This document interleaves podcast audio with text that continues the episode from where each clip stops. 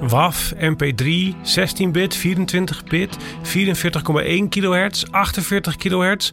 Zoveel instellingen om uit te kiezen als je een podcast gaat opnemen. Maar wat is nu de juiste? Dit is Kennisbank aflevering 31. In welk audioformaat moet je opnemen? Ik ben Hajo Magree.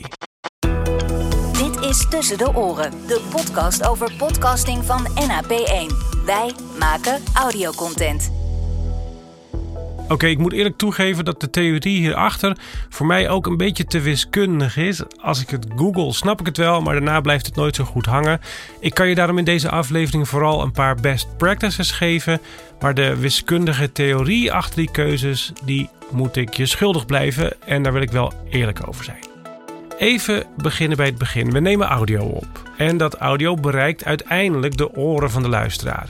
En sinds we digitaal werken wordt de audio-kwaliteit steeds beter, maar met dat die audio-kwaliteit toeneemt, worden ook de bestanden steeds groter. En hele grote bestanden, die kunnen we eigenlijk niet goed via internet naar de oren van de luisteraar versturen. Want um, een hoge kwaliteit opname van 30 minuten in WAV, dat is ongeveer 520 MB.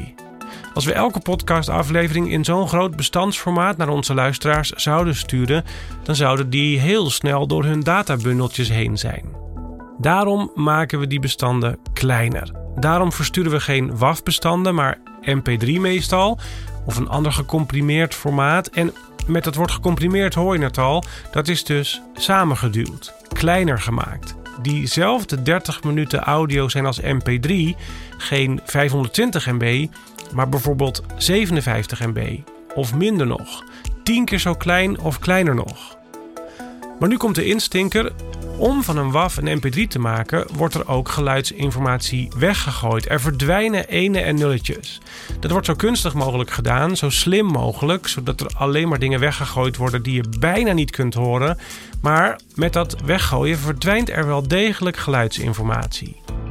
En hier komt mijn belangrijkste punt van deze aflevering. Dat weggooien van geluidsinformatie, dat wil je pas doen in de laatste stap. Dus pas op het moment dat je een bestand maakt dat je naar de luisteraar wil sturen. En dat betekent dat je bij het opnemen in hoge kwaliteit wil werken.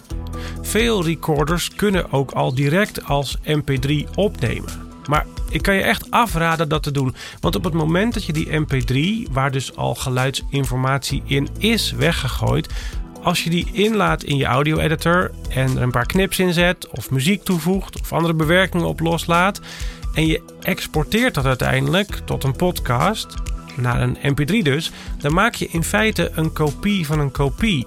Dan heb je van een MP3 die je op locatie hebt opgenomen en waar dus al informatie in is weggegooid, nog een keer een MP3 gemaakt en dan heb je weer informatie weggegooid.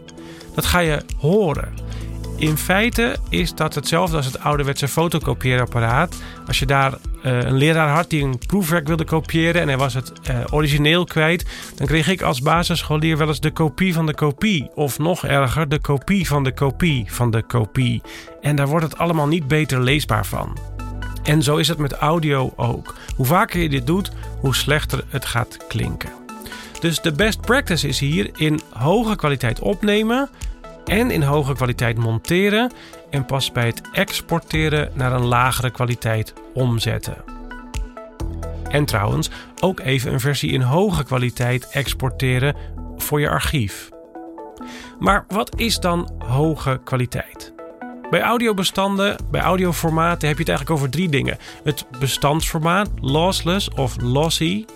En daar kies je over het algemeen voor WAV en geen lossy formaat zoals MP3 of AAC.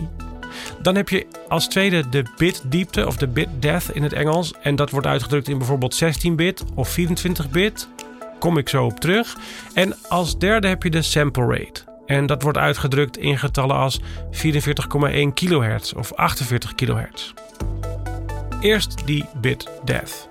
Het wordt nou wel een beetje wiskundig, maar het komt erop neer. Het heeft iets te maken met hoe het geluid precies wordt omgezet in ene en nullen.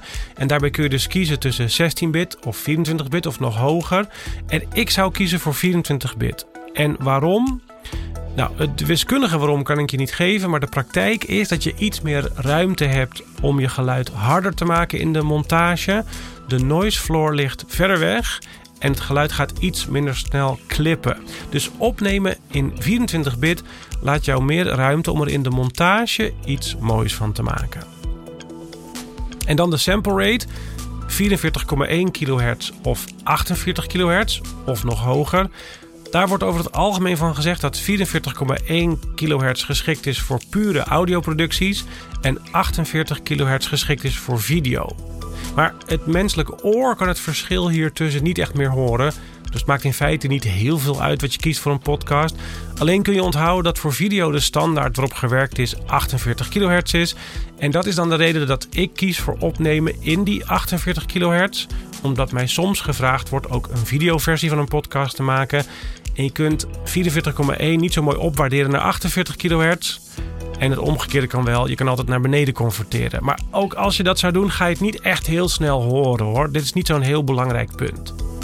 Maar om het helemaal netjes te doen, in alle opnameapparaten die ik gebruik, kies ik voor opnemen in WAV, in 24 bit en in 48 kHz. Maar als jij het prettiger vindt om op te nemen in 16-bit 44,1 kHz, dan kan je ook prachtige mooie podcast maken. Maar wat ik je wel echt zou afraden is om op te nemen in MP3. Ik zou in de opnamefase altijd kiezen voor een lossless audioformaat. En dat doe ik trouwens ook tijdens het monteren in mijn audio editor. Daar zijn mijn projecten ook allemaal 48 kHz en 24 bit. Dat was het. Je kunt de informatie uit deze aflevering ook terugvinden in de podcast Kennisbank op onze website. Dit was Tussen de Oren van NAP1. Wij maken audiocontent. NAP1.nl